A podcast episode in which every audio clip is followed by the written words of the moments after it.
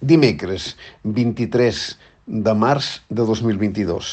Apunts al natural. La justícia a les bambolines. 1. Exposició. La suspensió per part del Tribunal Superior de Justícia de Catalunya d'una ordenança municipal de Barcelona sobre la limitació de la circulació de cotxes en zones de baixes emissions ha tornat a posar en el punt de mira el Poder Judicial.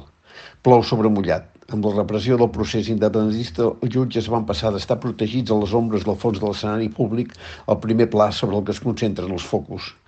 Fou per obra i gràcia del govern Rajoy que, recolzat per la majoria de les forces polítiques espanyoles davant la manifesta impotència per canalitzar políticament la qüestió catalana, va decidir traslladar la qüestió independentista de la via política a la judicial i va col·locar aquest poder a un nivell d'exposició pública no gens habitual.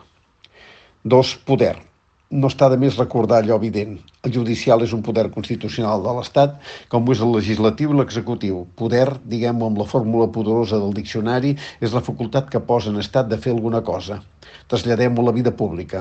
Del poder emana l'autoritat. Tot poder institucional està condicionat pels límits que marquen les lleis, però també per unes pràctiques, uns hàbits, una història, i per les persones que el composen. És en les fases de gran exposició que apareix la cara fosca que tot poder té.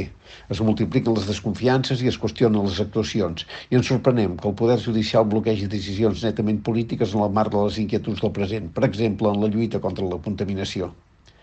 Si el legislatiu ha d'exercir el control polític de l'executiu, al judicial li correspon el control jurídic, és a dir, el compliment de la llei. Aquest és el marc, però a partir d'ell operen el context, les persones, les relacions de forces, la múltiple trama dels interessos i aquí venen les disfuncions. La promoció no poder judicial no es fa pels mecanismes democràtics de representació, sinó per la via meritocràtica, l'oposició, amb un pòsit aristocràtic de casta i amb un rol important dels padrinatges, mestres i familiars. Les institucions tenen una natural dinàmica conservadora que s'aguditza en el poder judicial i aquesta dinàmica es tradueix en una certa arrogància que permet situacions irregulars com un Consell General amb quatre anys de caducitat que segueix manant, és a dir, donant mal exemple. Un Consell, per altra part, anomenat pels partits polítics on legitimitat judicial i prejudicis ideològics es confonen en un espai inclinat al conservadorisme.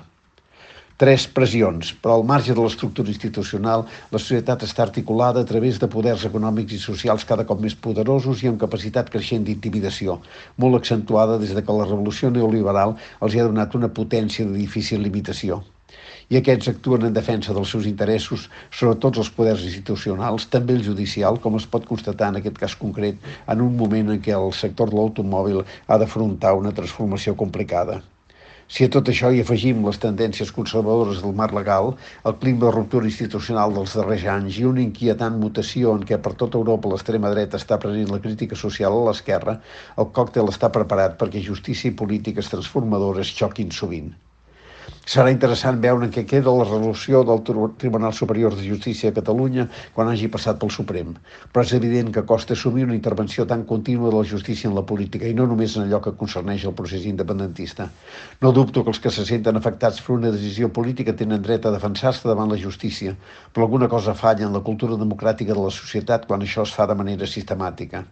Hi ha certes èlits, si és que se'n pot dir així, que se senten per sobre la llei i no suporten que se'ls hi posi límits que aquests conflictes guanyin visibilitat és una bona notícia, sobretot quan hi ha urgències com l'ecològica que no es poden fer esperar.